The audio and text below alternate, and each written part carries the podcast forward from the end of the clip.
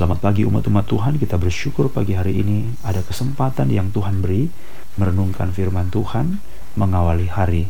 Roma pasal yang ketujuh ayat yang keempat sampai ayat yang keenam. Pada waktu kita diselamatkan, apa implikasinya? Apa cirinya? Apa tandanya? Ke mana arahnya setelah Tuhan menyelamatkan kita? Jadi kita tidak merasa bahwa diselamatkan itu hanya supaya saya ditebus dosa, diampuni, lalu itu selesai Sebab itu, saudara-saudaraku, kamu juga telah mati bagi hukum Taurat oleh tubuh Kristus, supaya kamu menjadi milik orang lain, yaitu milik Dia yang telah dibangkitkan dari antara orang mati, agar kita berbuah bagi Allah. Sebab waktu kita masih hidup dalam daging, hawa nafsu dosa yang dirangsang oleh hukum Taurat bekerja dalam anggota-anggota tubuh kita agar kita berbuah bagi maut. Tetapi sekarang kita telah dibebaskan dari hukum Taurat sebab kita telah mati bagi Dia yang mengurung kita, sehingga kita sekarang melayani dalam keadaan baru menurut roh dan bukan dalam keadaan lama menurut hukum Taurat. Kita bersyukur umat-umat Tuhan buat apa yang terus kerjakan bagi kita, yaitu keselamatan. Dan Alkitab berkata kita diselamatkan supaya yang pertama kita sekarang menjadi milik Tuhan Waktu kita menjadi milik Tuhan, berarti Tuhanlah yang berkuasa atas hidup kita, bukan kita lagi dong. Ya kan? Karena Alkitab berkata, Roma pasal 7 yang keempat, kita diselamatkan, kita telah mati bagi hukum Taurat, supaya kita menjadi milik orang lain, yaitu menjadi milik Kristus. 2 Korintus pasal yang kelima mengatakan, Kristus telah mati untuk kita, supaya kita tidak lagi hidup bagi diri kita sendiri, tetapi kita hidup bagi dia. Nah itulah sebabnya pada waktu kita menjadi milik Tuhan, majikan kita adalah Tuhan. Waktu kita menjadi milik Tuhan, maka kita melayani sekarang bukan melayani diri kita lagi, tapi melayani Tuhan. Dahulu kita menjadi pelayan dosa. Seluruh hidup kita itu serahkan kepada dosa. Seluruh hidup kita itu dipakai untuk dosa. Seluruh hidup kita itu kita sadar tidak sadar, mau tidak mau, rela tidak rela, sebenarnya jelas dengan kerelaan. Tetapi kita harus mengetahui di luar Kristus, hidup kita, tubuh kita melayani dosa melayani ambisi kita sendiri, melayani diri kita sendiri. Tetapi setelah kita percaya kepada Kristus, maka kita menjadi milik Kristus. Nah, Alkitab mengatakan bukan sampai di situ saja, kita diminta untuk berbuah bagi Allah. Roma pasal 7 ayat yang keempat agar kita berbuah bagi Allah. Paulus mengatakan prinsip buah ini adalah satu hal yang sangat penting sekali. Jangan saudara lupa, bertumbuh bukan hanya sekedar saudara daunnya rindang, kemudian pohonnya rimbun. Tetapi kita harus berbuah, berbuah bagi Kristus, berbuah bagi Allah. Ini adalah satu hal yang tidak boleh kita abaikan begitu saja, saudara-saudara. Yohanes Pembaptis mengatakan, kapak telah tersedia pada akar pohon, dan barang siapa pohon yang tidak menghasilkan buah, maka dia akan ditebang dan dilemparkan ke dalam api.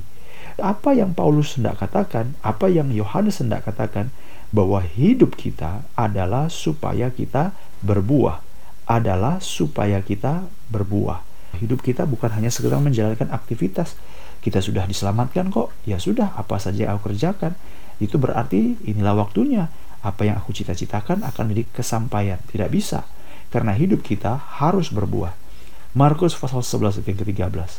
Pada suatu waktu Yesus berjalan dan dia merasa lapar. Dia meninggalkan Betania dan merasa lapar. Dari jauh Yesus melihat ada pohon ara sudah berdaun. Ia mendekati pohon itu, melihat kalau-kalau Yesus mendapati buah pada pohon itu. Tetapi waktu ia tiba di situ, ia tidak mendapat apa-apa selain daun-daunnya saja. Memang saudara berkata, loh kan pada waktu itu dikatakan itu bukan musim buah ara. Jadi bagaimana mungkin kalau bukan musim buah ara, dia bisa berbuah? Alkitab mengatakan bahwa hidup itu yang senantiasa menghasilkan buah. Mengingatkan saudara-saudara selalu ada buah yang ada di situ, selalu ada buah walaupun tidak banyak buahnya karena memang bukan musim, tetapi walaupun bukan musim selalu ada buah, itu jenis karakteristiknya. Tetapi kenapa tidak ada buah, hanya daun saja? Alkitab hendak menunjukkan kepada kita suatu sindiran yang dikerjakan oleh Tuhan Yesus kepada orang-orang yang menyatakan dirinya mengenal Allah kepada orang-orang yang menyatakan dirinya keturunan Abraham, kepada orang-orang yang menyatakan dirinya mereka adalah orang-orang yang beribadah kepada Tuhan, membakar korban, beribadah di Yerusalem, di bait Allah. Tetapi sama sekali engkau tidak menghasilkan buah. Tidak bisa. Karena prinsip waktu percaya kepada Allah, beribadah kepada Allah, membakar korban pada Tuhan, menyatakan diri sebagai anak Tuhan, menyatakan diri sebagai orang yang percaya kepada Allah, orang beriman, maka kita harus berbuah bagi Allah. Roma pasal 7 ayat yang keempat. Saudara, apa yang dikatakan dan dituliskan oleh Paulus sebenarnya sudah diberikan dalam sinyal-sinyal, dalam sindiran-sindiran, dalam tanda petik yang dikatakan oleh kitab-kitab lain seperti kitab Injil. Saudara, hidupmu jangan menjadi orang yang beragama, Hidupmu jangan menjadi orang yang beribadah. Hidupmu jangan hanya orang menjadi kasih. Hidupmu jangan orang menjadi hanya memberikan, tetapi tidak berdasarkan Kristus.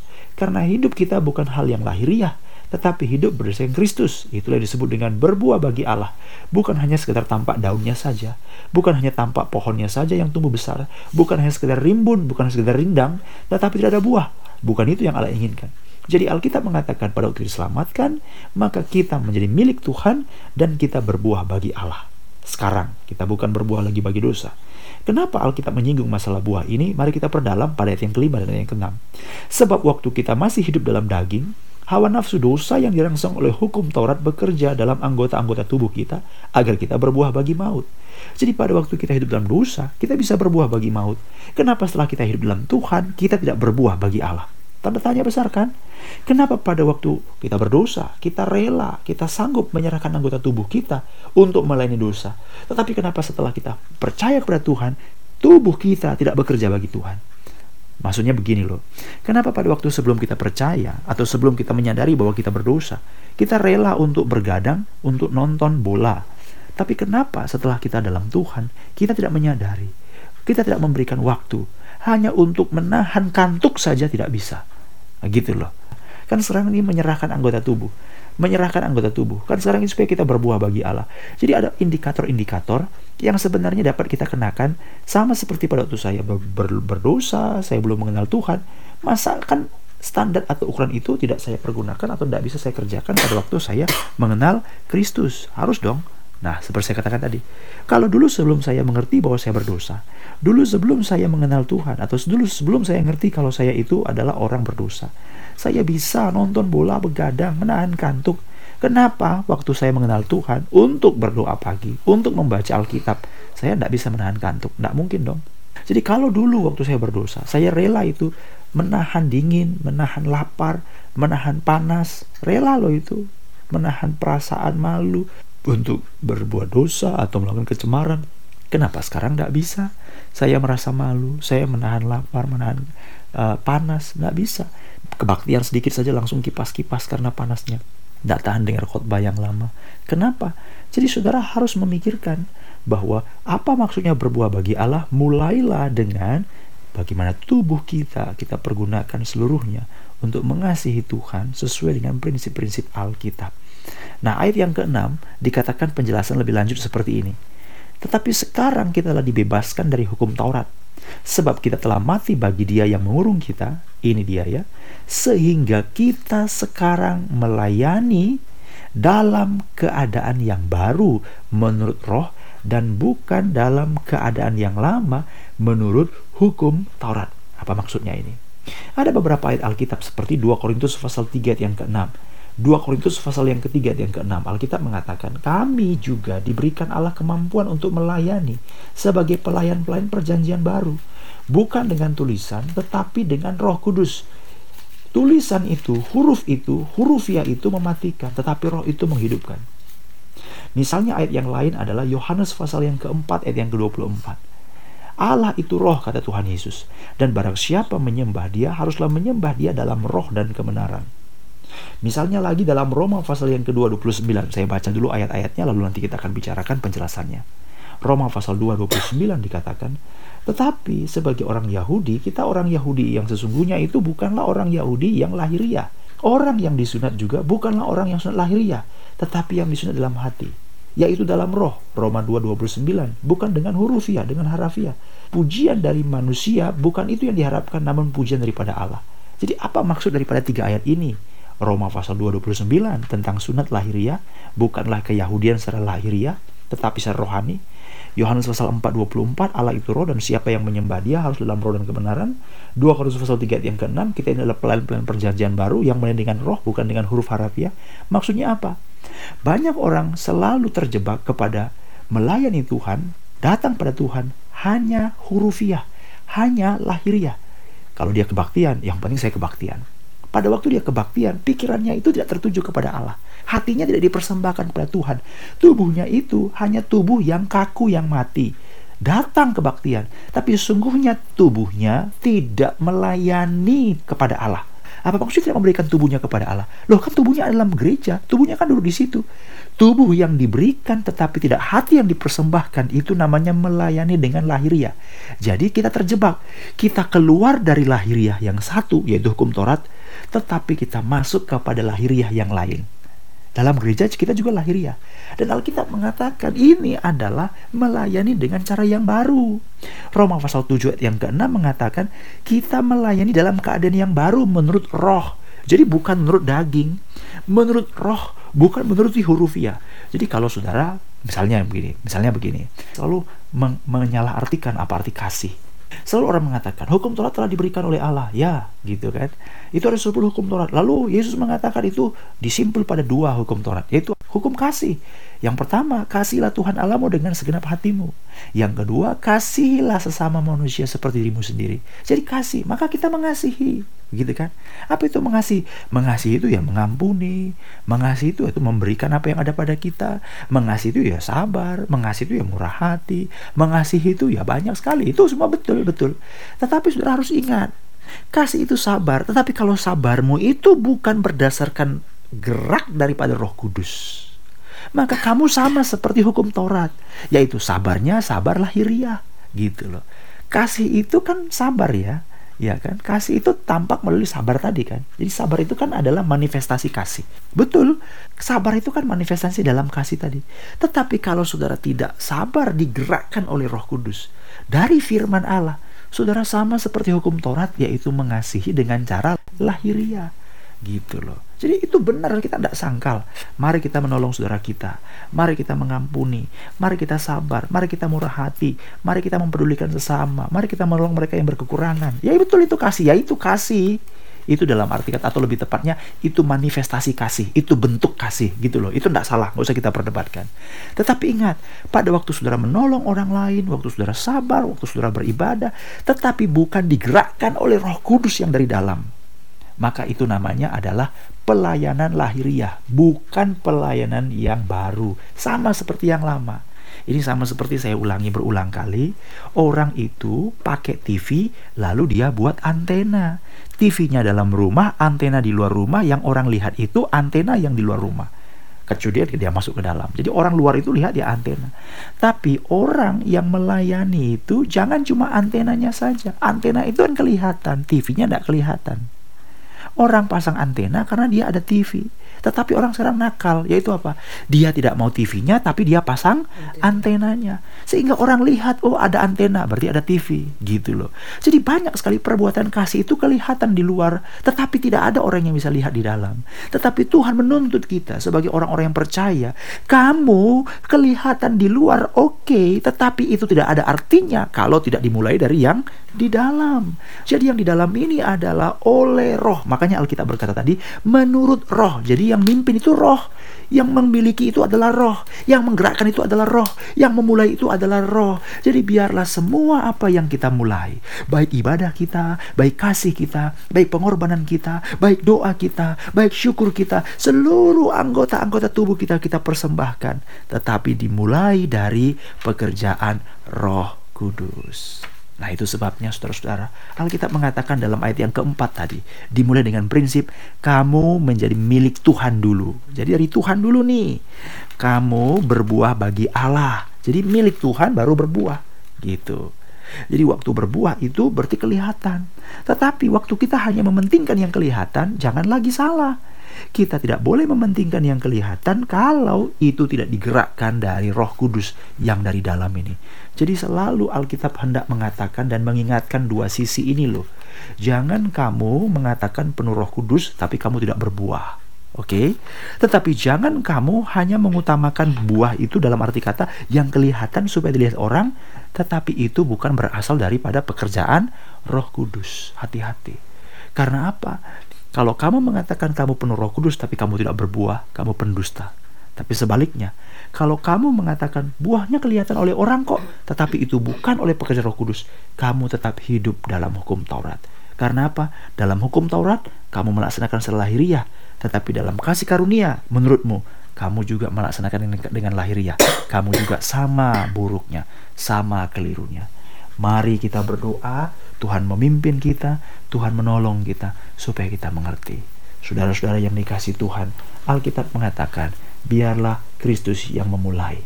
Segala sesuatu yang dalam diri kita, biarlah Kristus yang memulai. Bukan kita yang memulai, tapi Allah lah yang memulai. Filipi pasal 1 ayat yang ke-6.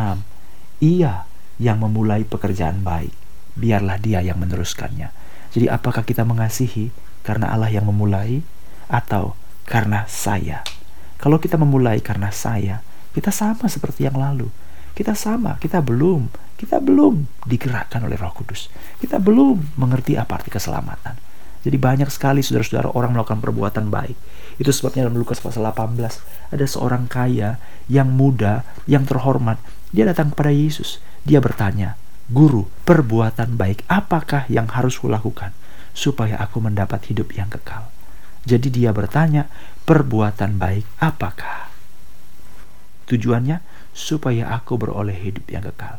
Sekarang, apa ya jawaban Yesus? Yesus mengatakan, oh jangan membunuh, jangan berzina, jangan mencuri. Kamu kan sudah tahu. Lalu saudara tahu dia jawab apa? Loh, semua itu sudah aku lakukan sejak kecil. Artinya memang orang ini sudah melakukan perbuatan yang baik. Tetapi pertanyaannya, kenapa dia tidak menerima hidup yang kekal? Karena semua perbuatan baik itu tidak berdasar dari Roh Kudus, tidak dimulai dari kelahiran baru, tidak dimulai dari ciptaan baru yang dikerjakan Yesus Kristus, tidak dimulai dari iman yang dianugerahkan Tuhan, tidak dimulai dari mati bagi dosa. Dia masih menjalankan perbuatan baik itu dengan cara apa? Dengan cara lahiriah. Dia pasang antena di luar kelihatan orang, tetapi tidak punya TV. Jadi Tuhan hendak mengingatkan kepada kita dua ekstrim ini loh Jangan kamu berkata, kamu punya roh kudus, tapi kamu tidak berbuah. Kamu bukan milik Tuhan. Karena kalau kamu milik Tuhan, pasti kamu berbuah bagi Allah. Tetapi dibalik sekarang, jangan kamu katakan, ini loh perbuatanku, aku sudah berbuah. Perbuatanmu, kalau bukan karena gerak roh kudus, itu adalah antena tanpa TV. Kosong. Kamu juga melayani dengan lahiriah. Dan Tuhan berkata, serahkan anggota tubuhmu. Sudah Tuhan. Tapi apakah kamu melayani Apakah kamu beribadah? Karena memang roh kudus yang memulainya. Filipi 1 ayat yang ke-6. Harus Allah yang memulai. Dan dia yang meneruskan sampai pada kesudahannya. Biarlah Tuhan menolong kita. Hari ini berkatalah pada Tuhan, Tuhan, aku hendak memulai segala sesuatu karena Engkau, bukan karena diriku. Kadang-kadang aku tidak mampu untuk jujur. Kadang-kadang aku terpancing untuk bohong. Tetapi biarlah Engkau yang memulai. Aku tidak sanggup untuk sabar, tapi biarlah engkau yang memulai. Aku tidak sanggup untuk setia. Aku tidak sanggup untuk menahan diri. Kadang-kadang mendengar khotbah yang sangat menusuk, hatiku tidak tahan. Aku tidak sanggup untuk berbesar hati. Tapi biarlah engkau yang terus berbicara. Karena setiap kalimat kata dalam firman Tuhan itu untuk diriku, untuk kebaikan jiwaku. Biarlah Tuhan menolong kita untuk lakukan firman-Nya. Bukan supaya kita tambah hebat, tetapi supaya kita makin lama makin rendah hati dan makin mau ikut Tuhan dengan setia. Mari kita berdoa. Tuhan Yesus Allah yang mulia, berikan kepada kami iman supaya kami bersandar kepada Tuhan dalam segala sesuatu. Tidak bersandar kepada kepentingan diri kami sendiri. Tidak meminta apa yang nyaman bagi kami. Walaupun kami rasa kami membutuhkannya.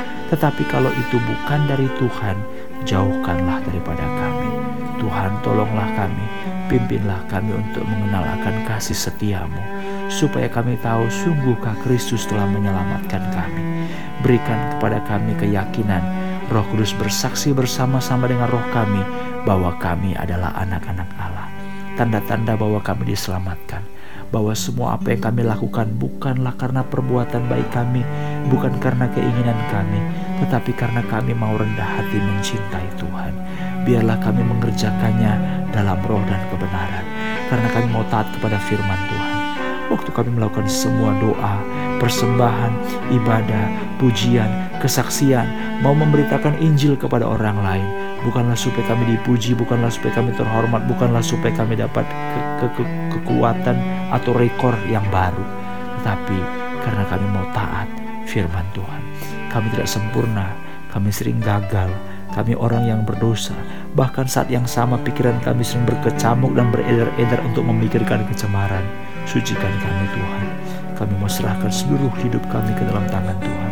Bahkan jiwa dan pikiran anggota tubuh kami kami serahkan dalam tangan Tuhan. Sertailah umat-umatmu, mereka yang sakit engkau kuatkan dan sembuhkan. Mereka yang susah engkau berikan penghiburan. Di tengah-tengah segala kesulitan, hari ini Tuhan oleh perkenanan Tuhan, berikan kecukupan dan uang yang mereka perlukan untuk kebutuhan mereka. Biarlah damai sejahtera Allah bersama-sama dengan mereka. Dalam nama Yesus kami berdoa, haleluya. Amin. Umat-umat Tuhan demikianlah anugerah surga bagimu. Turunlah anugerah dari Allah Bapa, cinta kasihnya Tuhan Yesus Kristus, persekutuan Roh Kudus menyertai menuntun hidupmu dari sekarang sampai Yesus datang kembali. Terimalah anugerah surga dalam nama Tuhan Yesus Kristus. Haleluya. Amin.